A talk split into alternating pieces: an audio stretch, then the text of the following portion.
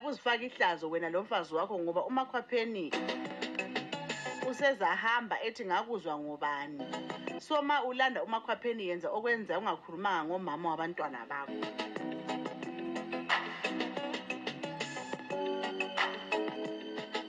and libazi omakhwapheni basebefuna ukugcwinyisa ukuthi ngikuthathela indoda ikakhulu futhi nxa bengabantu abakwaziyo wena personally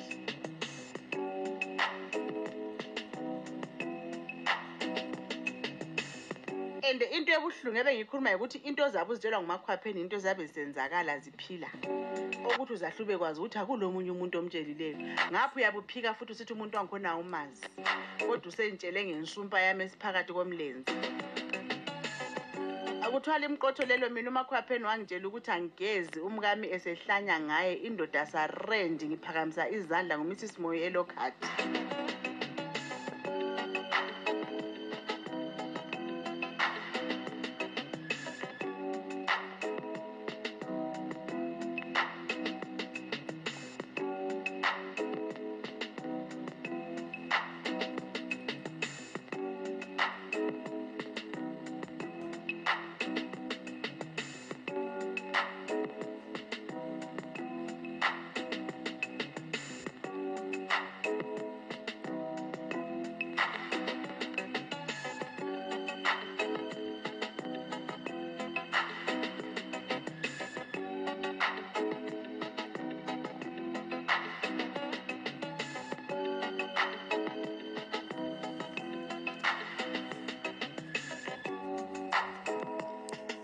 kuthiwa black d amadoda awaqambi manga bekhuluma ngabafazi babo omama yibo abaxoxa labomakhelwane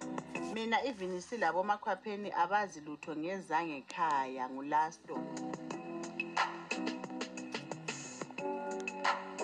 phela lasto lokhu kuphuma mzwana abantu sebedibene mzwana sengithe ngqwa lomakhwapheni yikho lapho engizabona khona ukuthi ha uyazi yonke into ukuxabana esikwenzayo ngekhaya uyabekwazi nxa izolo singazange sihlangane ekamelweni uyabekwazi uzakutshela konke khonokhuyana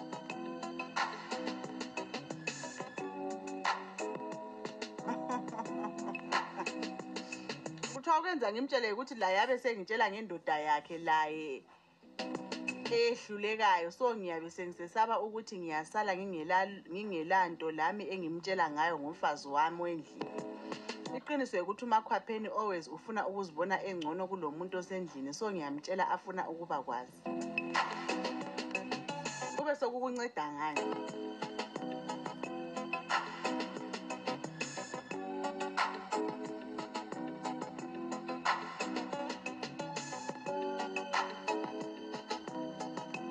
kuthiwa black d my sister mina ngihlanyiswa ngamasuthu bantu abafana bayayitshaya into ayi wenkosi hawu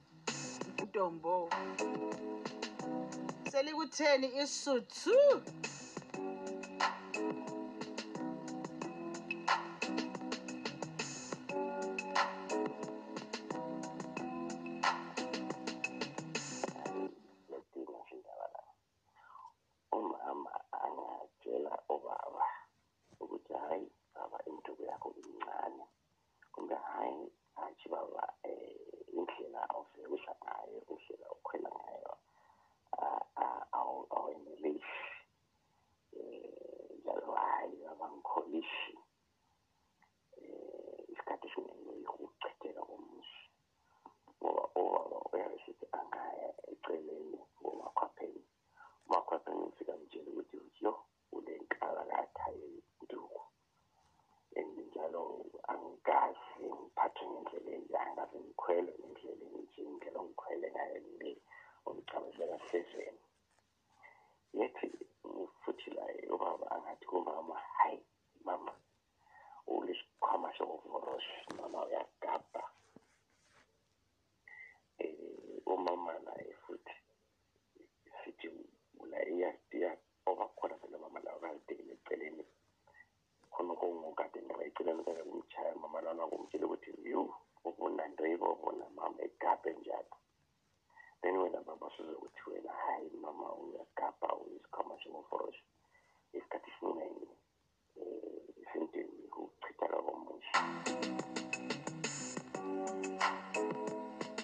so amanga yiwo ayenza ukuthi umuzi ungachitheki kanti ungatshela umama ukuthi wena ungathi usuvulekile usumkhulu kakhulu anti kukuthi laye athatha i-action ayisikho kanti kulokuthula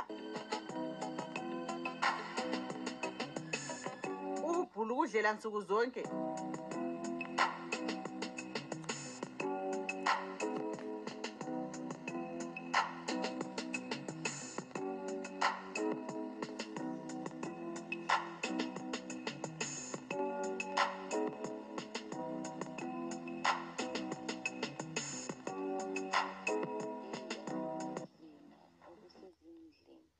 Eyinye indoda ibiza yatshela uSmallhouse ukuthi umfazi wakhe nguMasusa, indoda yomngane wami.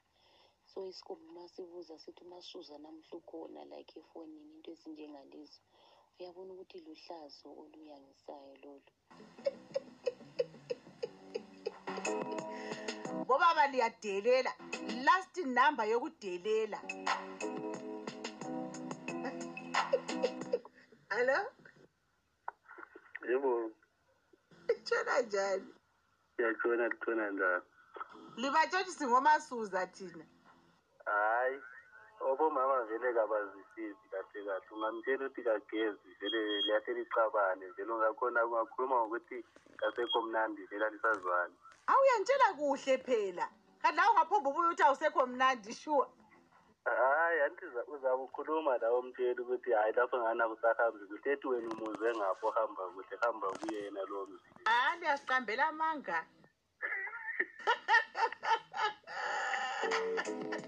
hayi hayi but madoda lingaboyenza njalo sure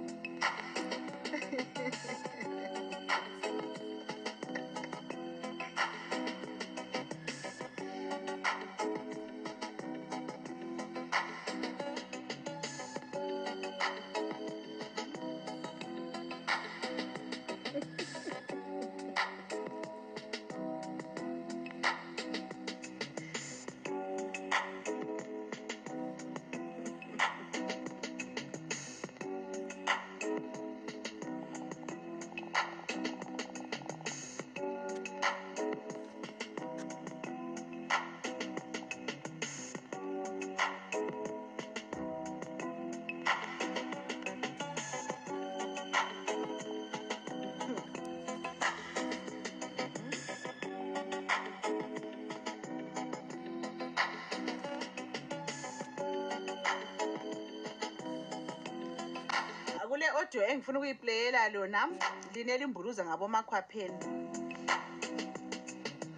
lilambisa omama ngekhaya ngenxa yokuthi alikwanisi ukuthi libe honest labomama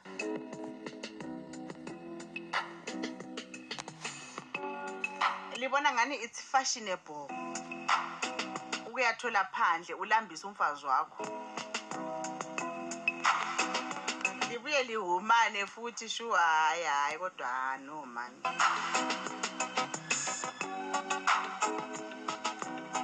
ngenxa yokuthi ilamanye amabala athi angasinzi zimela kancane emsakazweni ngizayiplaya phambidlanyana izikhathi zethu sezithe zahamba kancane because it's not a radio friendly audio but ngifuna lizwi maybe abanye benu selake layizwa iseculator kubo social media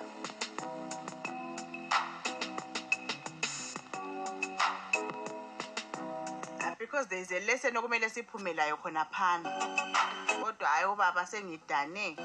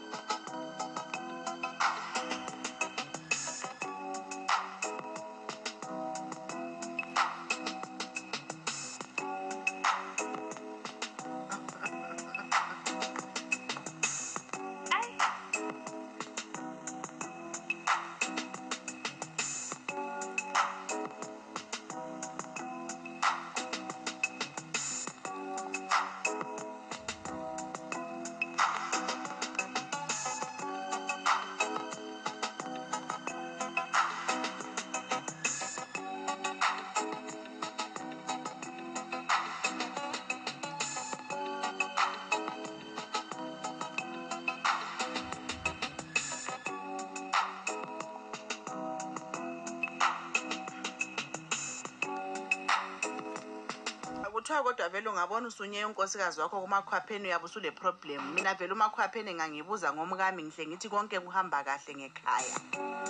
ngisamakhabo emguza erigeshini okunye sengikunanzelela ngani bobaba ukuthi wonke umuntu ophendula la ulomakhwapheni so vele into yabomakhwapheni le is part of your lives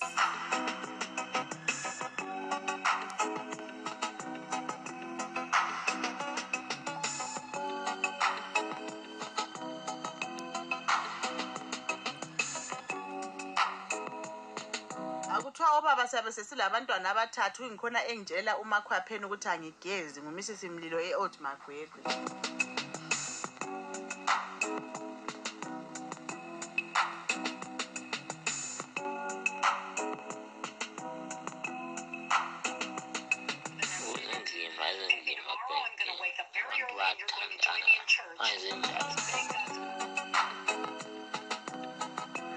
ngikhuluma ukuthi nxa lifaka ama-audios make sure akula background noise ngoba gcina singaseva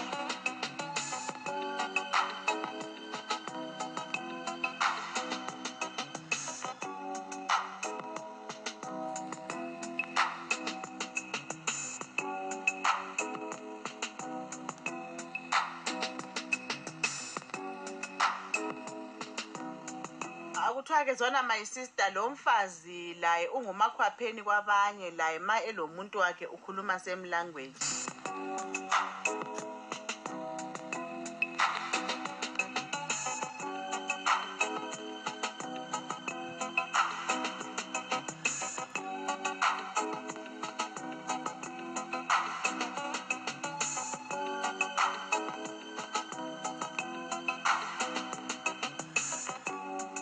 Black Dick ukhuluma ngonkosikazi wakho kwenza omakhwapheni bamdelele kumbe bamhleke lapho abahlangana laye khona so ungakhulumi ngonkosikazi wakho ngubhiki exactly my point mina khonokho vele kuhle ungiletha umbuzo ukuthi vele obaba abafazi benu liyabathanda ngoba how can you do that to someone that you love awulandaba ukuthi abantu bazamkhangela njani sebehleke umfazi wakho ezidlulele esiyemagrosa sebembizani zomunye ukuthi ukhona yini umazi ah, but guys no man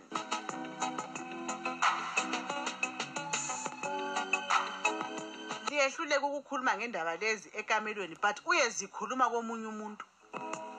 yikho ngisithi lawe phela awusoze unjela ukuthi nalokhu zeni awusekho mnandi vele you have to find a way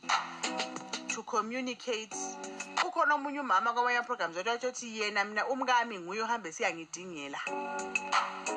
ontolwane omgugudu uyamphathela angilungisele amekhe sure ukuthi ngidlile anti yabona ukuthi umuntu uyabe senanzelele iproblem wayilungisa ngothando kanti wena uyabe ufuna ukungitshela ukuthi awusekho mnandi vele abantu abathandanayo can we use that language on each other nxa ubona ukuthi angigezi kahle waye ungathi asihambe siyegeza nakabantwana sigeze sonke njengomuntu othanda umuntu wakhe phela lawo sozuphomfeka emunteni uyanuka hambe egeza I will be offended.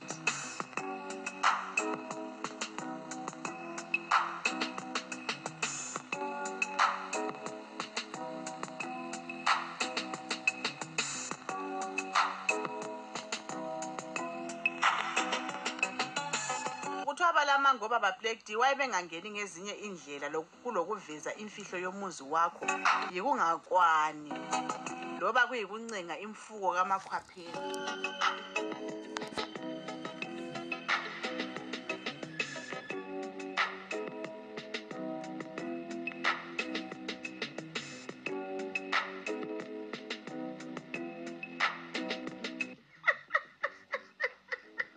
kuthiwa ubaba qalani likhwehlele asilizwa kahle amavoyisi enu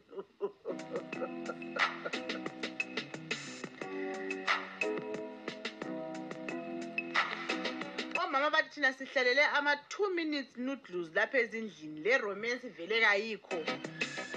uphomba ukukhwela nje ngani yinkukhu kodwa asikhulumi usumile phambi kwebandla laphana kumbe kusemhlanganweni kumbe kusemulini yangakini sugqoke isudu wafaka izandla esikhwameni umama ngeke aze ayithi amabhuku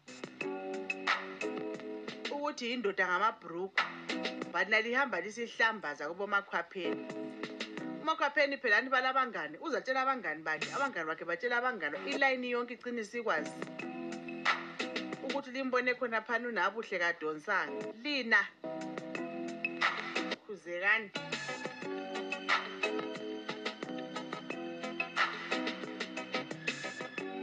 uyabe sefuna ukuchaza phela yena oyabe lamade nganithiwa ngamahlamvu olude yes yes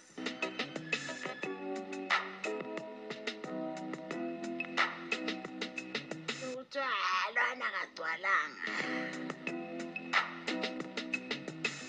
hlaleleni laye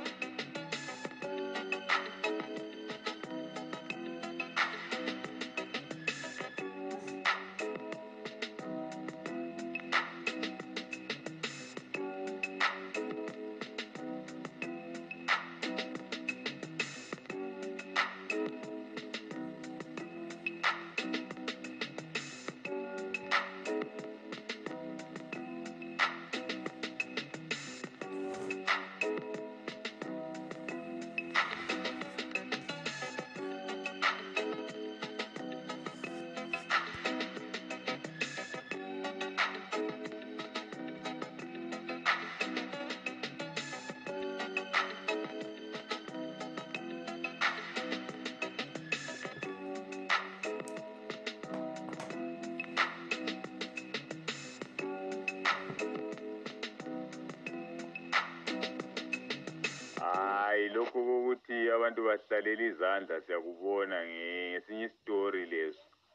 kodwa kunzima abantu nxa bekhuluma ubunzima aso yethu leyo kuthiwa-ke sibathatha sibafuna black d inkinga yokuthi umfazi uright eseseyigirlfriend ungamthatha umfake endlini Yini useziyekelela tshiya lento yokukhuluma ngama partners yenzeka both side nabomama bayakwenza yikuthi iqiniso libuhlungu umuntu ungamtshela ukuthi unuka umsisila uyazonda kanti khonokho esiyabe sibatshela khona omakhwapheni bakhona labo ngamanga yini yikho ngisithi vele kusalothando yini manje ma sokunje ma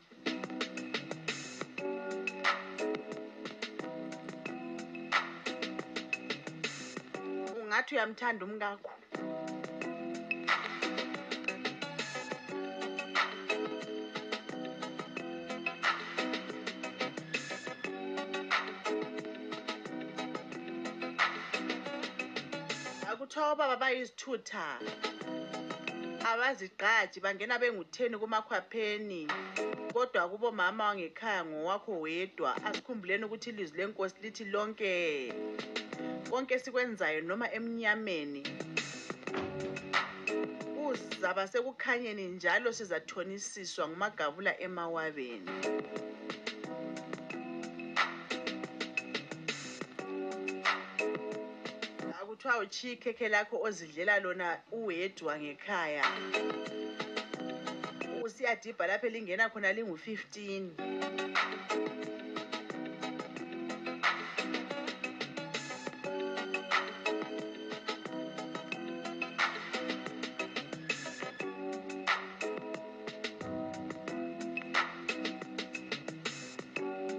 kuthiwa njengoba imali isihlupha ngaka kulezi nsuku obaba mm, kabalayo ukuthi bancenge umakhwapheni yikho sebencenga ngamabizo yethu thina ozimuhani ngisi sibande emganwini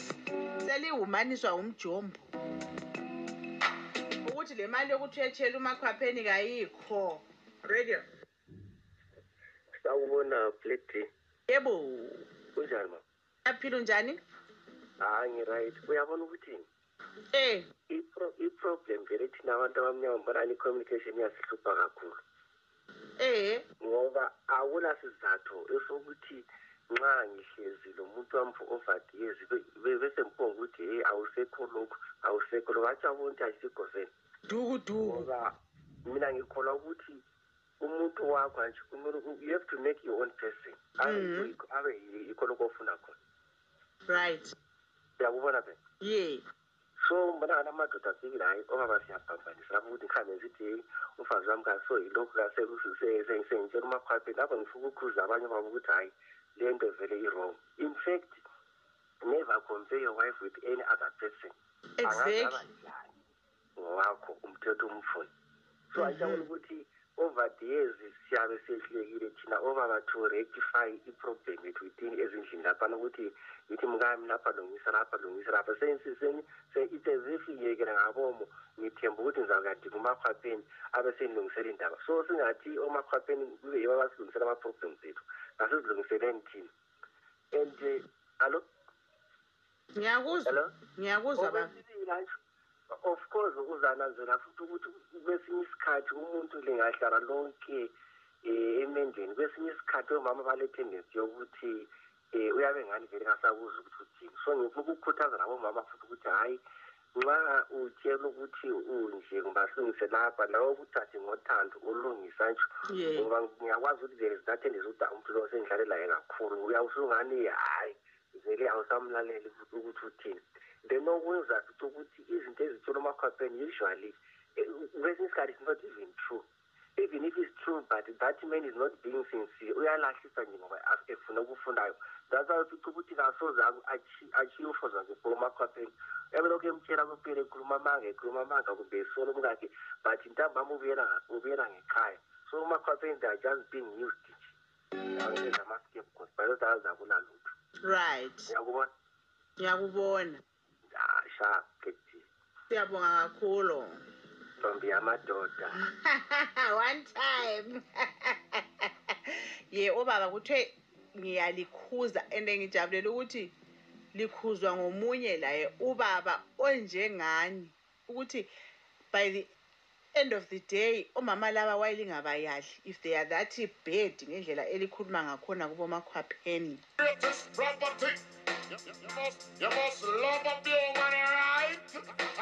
Control the bedroom, left, center, and right, right?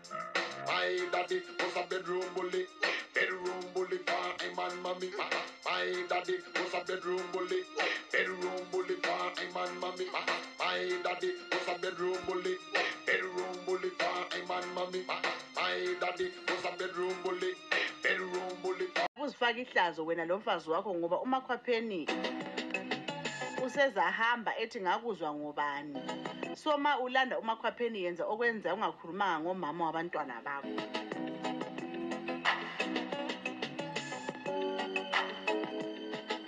and libazi omakhwapheni base befuna ukugcwinyisa ukuthi ngikuthathela indoda ikakhulu futhi nxa bengabantu abakwaziyo wena personally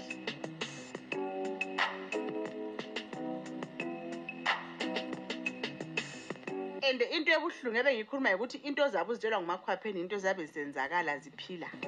okuthi uzahlube kwazi ukuthi akulomunye umuntu omtshelileyo ngapho uyabuphika futhi usithi umuntu wangikhona umazi kodwa usentshele ngensumpa yami esiphakathi komlenzi akuthwala imqotho lelo mina umakhwapheni wangitshela ukuthi angigezi umkami esehlanya ngaye indoda sarendi ngiphakamisa izandla ngumrs moyo elokhathi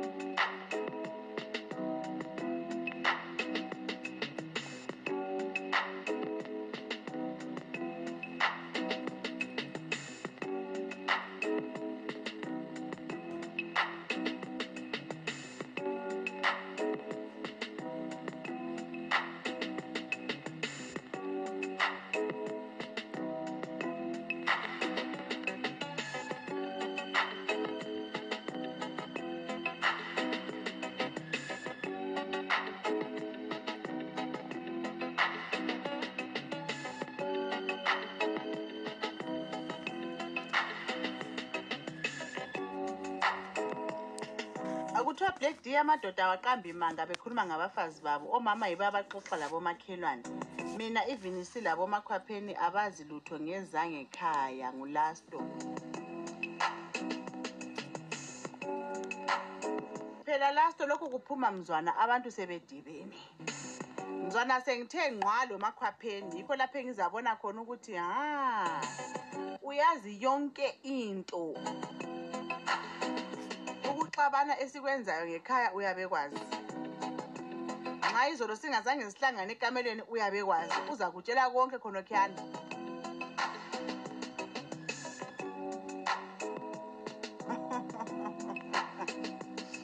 kuthiwa kwenza ngimtshele ukuthi laye abe sengitshela ngendoda yakhe laye eyehlulekayo so ngiyabe sengisesaba ukuthi ngiyasala ngingelanto lami engimtshela ngayo ngomfazi wami wendlini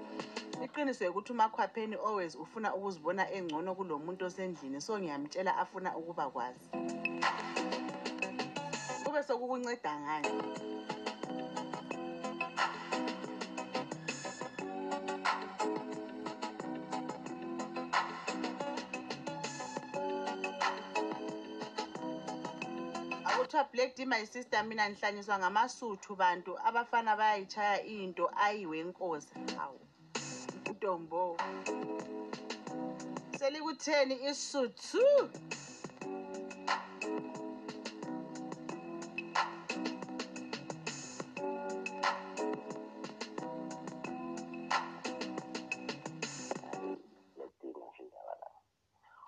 umama angatshela ubaba ukuthi hayi baba induku yakho incane kumbe hayi hatshi baba um indlela ofekudla ngayo indlela okhwela ngayo awenelisi um njalo hayi baba ngikholisi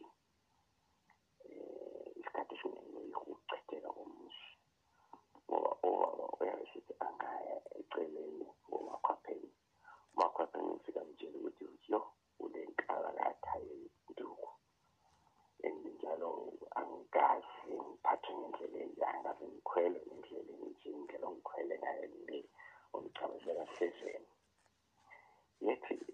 futhi laye ubaba angathi kumama hayi mama ulesikhwama sokuvorosha mama uyagabha um umama naye futhi sithi la iyasiya obakhona phela mama lawo kazibhekile eceleni khona okungukade ngoba eceleni kake kumtshaya mama lona kumtshela ukuthi yu ubona nto ibobona mama egabhe njalo then wena baba sizokuthi wena hayi mama uyagabha uyizikhama njengomforoshi isikhathi esiningi um isintini ukuchithaka komuzi so amanga yiwo ayenza ukuthi umuzi ungachitheki kanti ungatshela umama ukuthi wena ungathi usuvulekile usumkhulu kakhulu andikukuthi laye athatha i-action ayisikho kanti kulokuthi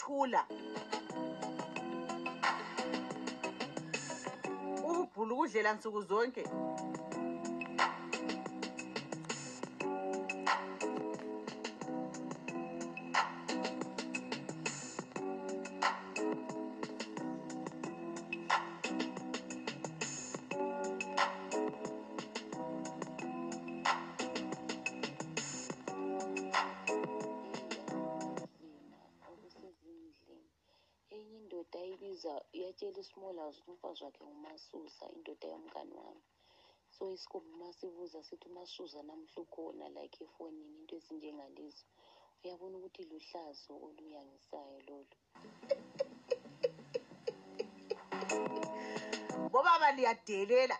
last number yokudelela hello Yebo. Tshona njani? Siyatshona tshona njani? Libatshotshisi ngomasuza thina. Hayi. Obomama vele kabazisizi kahle kahle. Ungamtshela ukuthi kagezi vele liyahle licabane vele ungakhona ungakhuluma ngokuthi kasekho mnandi vele alisazwani. Awuyantshela kuhle phela. Kanti lawo ngaphomba ubuye uthi awusekho mnandi sure. hayi anti uzakukhuluma la umtsheli ukuthi hayi lapho ngana kusahambi kuhle ethi wena umuzwe ngapho hamba kuhle hamba kuye yena lowo mzi hayi ah, liyasiqambela amanga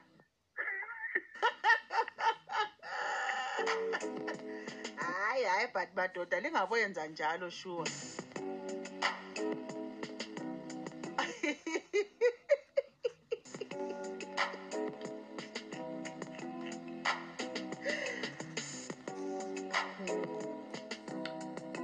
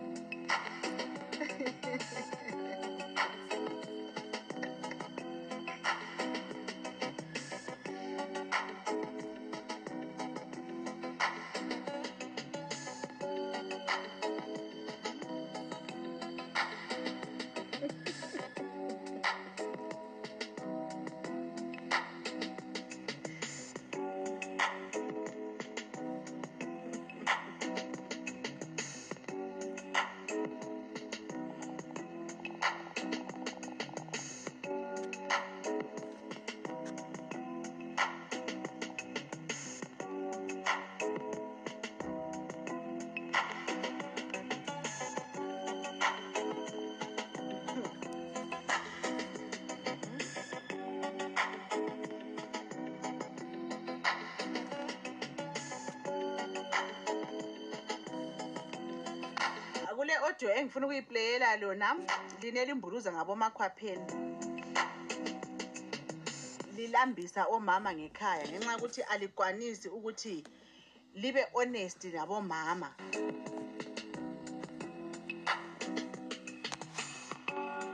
libona ngani it's fashionable ukuyathola phandle ulambise umfazi wakho libuye lihumane futhi shu hayi hayi kodwa ha no mani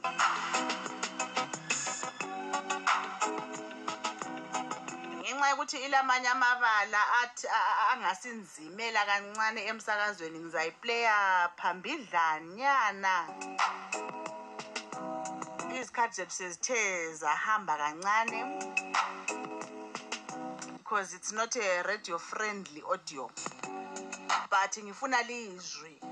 maybe abanye benu selake layizwa iseculator kubo social media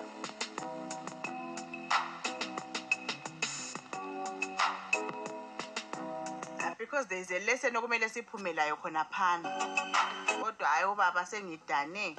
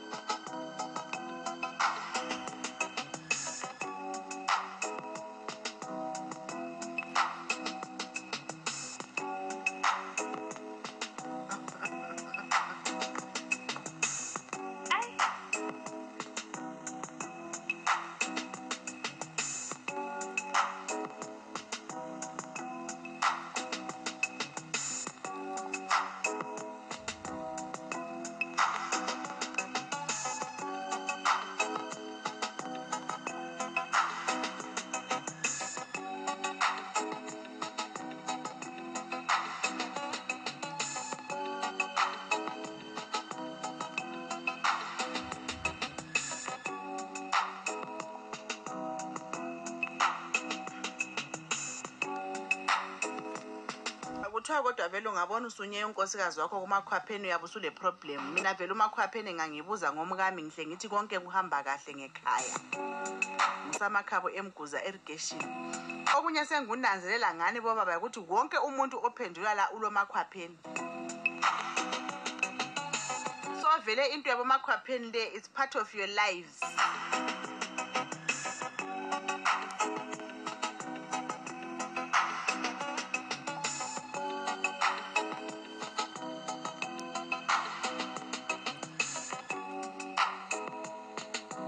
kuthiwa obaba siyabe sesilabantwana abathathu ngikhona engitshela umakhwapheni ukuthi angigezi ngumisisi mlilo e-old magwegwe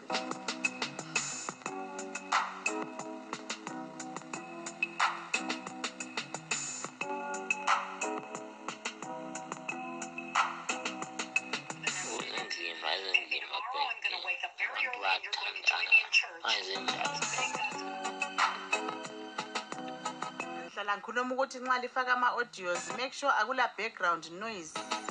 ngoba sigcina singasezwa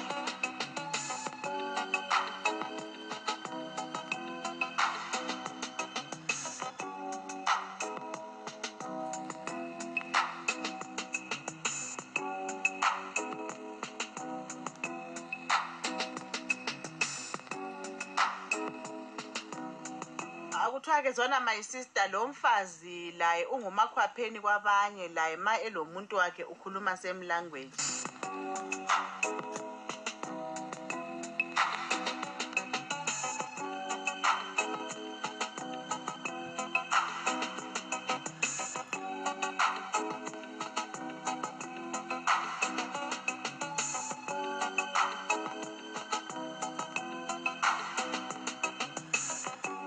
utablegdi kukhuluma ngonkosikazi wakho kwenza omakhwapheni bamdelele kumbe bamhleke lapho abahlangana laye khona so ungakhulumi ngonkosikazi wakho ngubhiki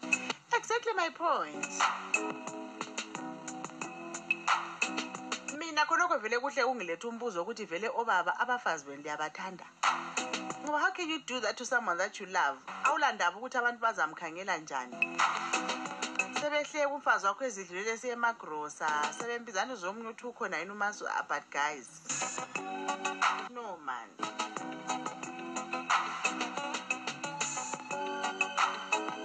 liyehluleka ukukhuluma ngendaba lezi ekamelweni but uyezikhuluma komunye umuntu yikho ngisithi lawe phela awusoze unjela ukuthi nalokhuzeni awusekho mnandi vele you have to find a way to communicate ukhona omunye umama kwamanye ama-programs otatsho ukuthi yena mina umkami nguye ohambe siyangidingela ontolwane omgugudu uyamphathela angilungisele amekhe sure ukuthi ngidlile anti yabona ukuthi umuntu uyabe senanzelele iproblem wayilungisa ngothando kanti wena uyabe ufuna ukungitshela ukuthi awusekho mnandi vele abantu abathandanayo can we use that language on each other nxa ubona ukuthi angigezi kahle waye ungathi asihambe siyegeza nakabantwana sigeze sonke njengomuntu othanda umuntu wakhe phela lawo sozuphomfeka emunteni uyanuka hambe egeza I will be offended.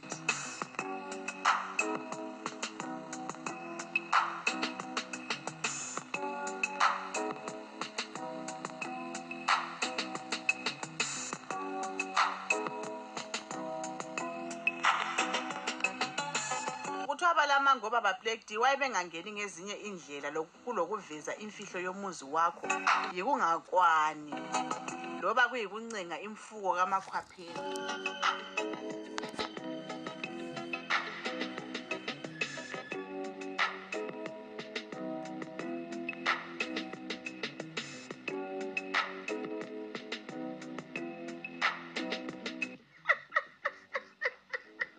kuthiwa ubaba qalani likhwehlele asilizwa kahle amavoyisi enu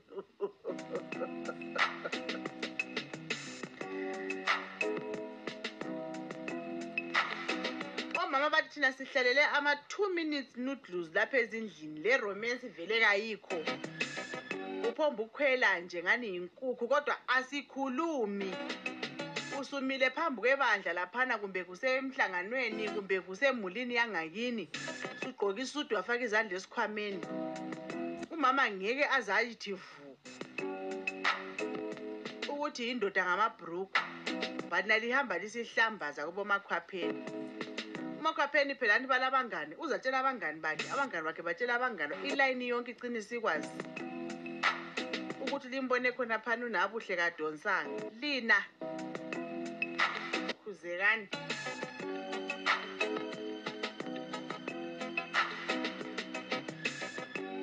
uyabe sefuna ukuchaza phela yena oyabe lamade nganthiwa ngamahlamvu olude yes yes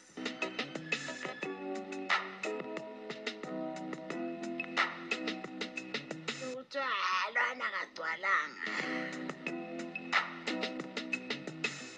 hlaleleni laye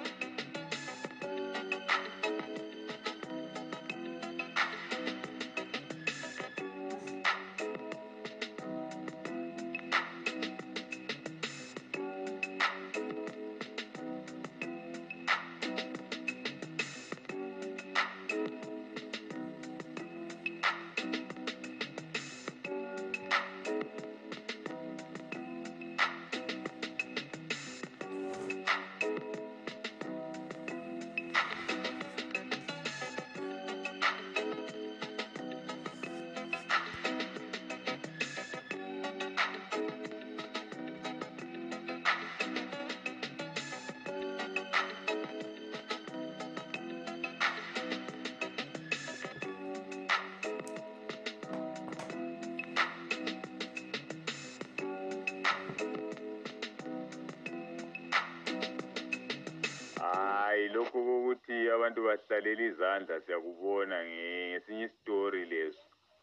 kodwa kunzima abantu nxa bekhuluma ngobunzima so yethu leyo kuthiwa-ke sibathatha sibafuna black d inkinga yokuthi umfazi uright eseseyigirlfriend ungamthatha umfake endlini useziyekelela chiya le nto yokukhuluma ngama-partners yenzeka both side nabomama bayakwenza yikuthi iqiniso libuhlungu umuntu ungamtshela ukuthi unuka umsisila uyazonda kanti khonokho esiyabe sibatshela khona omakhwapheni bakhona labo ngamanga yini Yikho ngisithi vele kusalothando yini manje ma sokunje.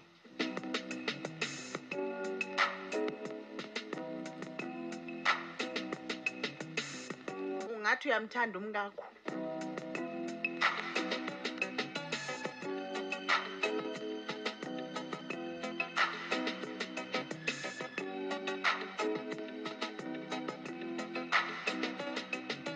kuthiwa obaba bayizithutha abazigqaji bangena bengutheni kumakhwapheni kodwa kubomama wangekhaya ngowakho wedwa asikhumbuleni ukuthi ilizwi lenkosi lithi lonke konke esikwenzayo noma emnyameni kuzaba sekukhanyeni njalo sizathonisiswa ngumagabula emawabeni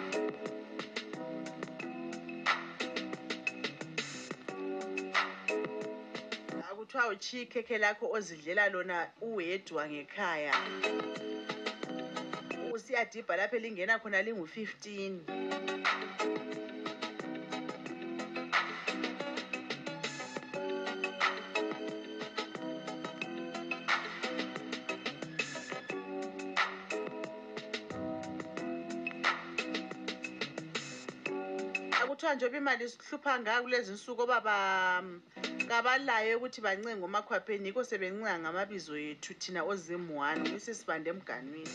seliwumaniswa wumjombo ukuthi le mali yokuthi uyetshela umakhwapheni kayikho radio sawubona bledi yebo kunjani mama aphila unjani hayi ngiright uyabona ukuthi um i-problem vele thina abantu abamnyama mbona ani communication iyasihlupha kakhulu um ngoba awula sizatho esokuthi nxa ngihlezi lo muntu wamfo ovadiyezi bese ngiphonga ukuthi heyi awusekho lokhu awusekho lokhu atsho abonti ayisigoveni dukuduku ngoba mina ngikholwa ukuthi umutu wako hanchi you have to make your own person mm-hmm. ave ikona kofuna kona right yakubona pe ye so mbona kana madoda afikile hayi obaba siyaphambanisa lapho ukuthi ngikhambe ngizithi umfazi wami kaso yilokhu kasekusengitshela umakhwaphe lapho ngifuna ukukhuza abanye babo ukuthi hhayi le nto vele i-wrong in fact never compare your wife with any other person exactly wakho umthetho umfuni so mhm. ayishabona ukuthi over the years siyabe sehlulekile thina obaba to rectify i-problem yethu within ezindlini laphana ukuthi yithi mkami lapha lungisa lapha lungisa lapha sensiseni se it's as if ngiyekela ngabomo ngithemba ukuthi ngizakuyadi kumakhwapheni abe sengilungisela indaba so singathi omakhwapheni kube yibo abasilungisela ama-problems ethu ngasizilungiseleni thina and uh, alo ngiyakuzwa ngiyakuzwa ba of course uzananzela futhi ukuthi kwesinye isikhathi umuntu lingahlala lonke um emendeni kwesinye isikhathi omama baletendensi yokuthi um uyabe ngani vele ngasakuzi ukuthi uthini so ngifuna ukukhuthaza labomama futhi ukuthi hhayi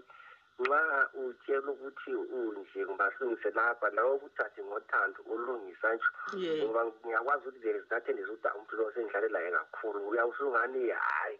vele awusamlaleli ukuthi uthini then okwenza futhi ukuthi izinto ezitshela umakhwapheni usually eh, kwesinye isikhathi is not even true even if it's true but that man is not being sincere uyalahlisa nje ngoba efuna okufunayo that's why ufica ukuthi kasoze achiye ufo zakhe ekhuluma amakhwapheni ebelokhu emtshela kuphela ekhuluma amanga ekhuluma amanga kumbe esolo umkakhe but ntambama ubuyela ngekhaya so umakhwapheni they are just being used nje right ngiyakubona ngiyakubona sha khethi siyabonga kakhulu ntombi yamadoda one time ye obaba kuthiwe ngiyalikhuza and ngijabulela ukuthi likhuzwa ngomunye laye ubaba onjengani ukuthi by the end of the day omama laba wayelingabayadli if they are that bad ngendlela elikhuluma ngakhona kubomakhwapheni You, you, you, must, you must love up your woman right. Control the bedroom left, center, and right, right?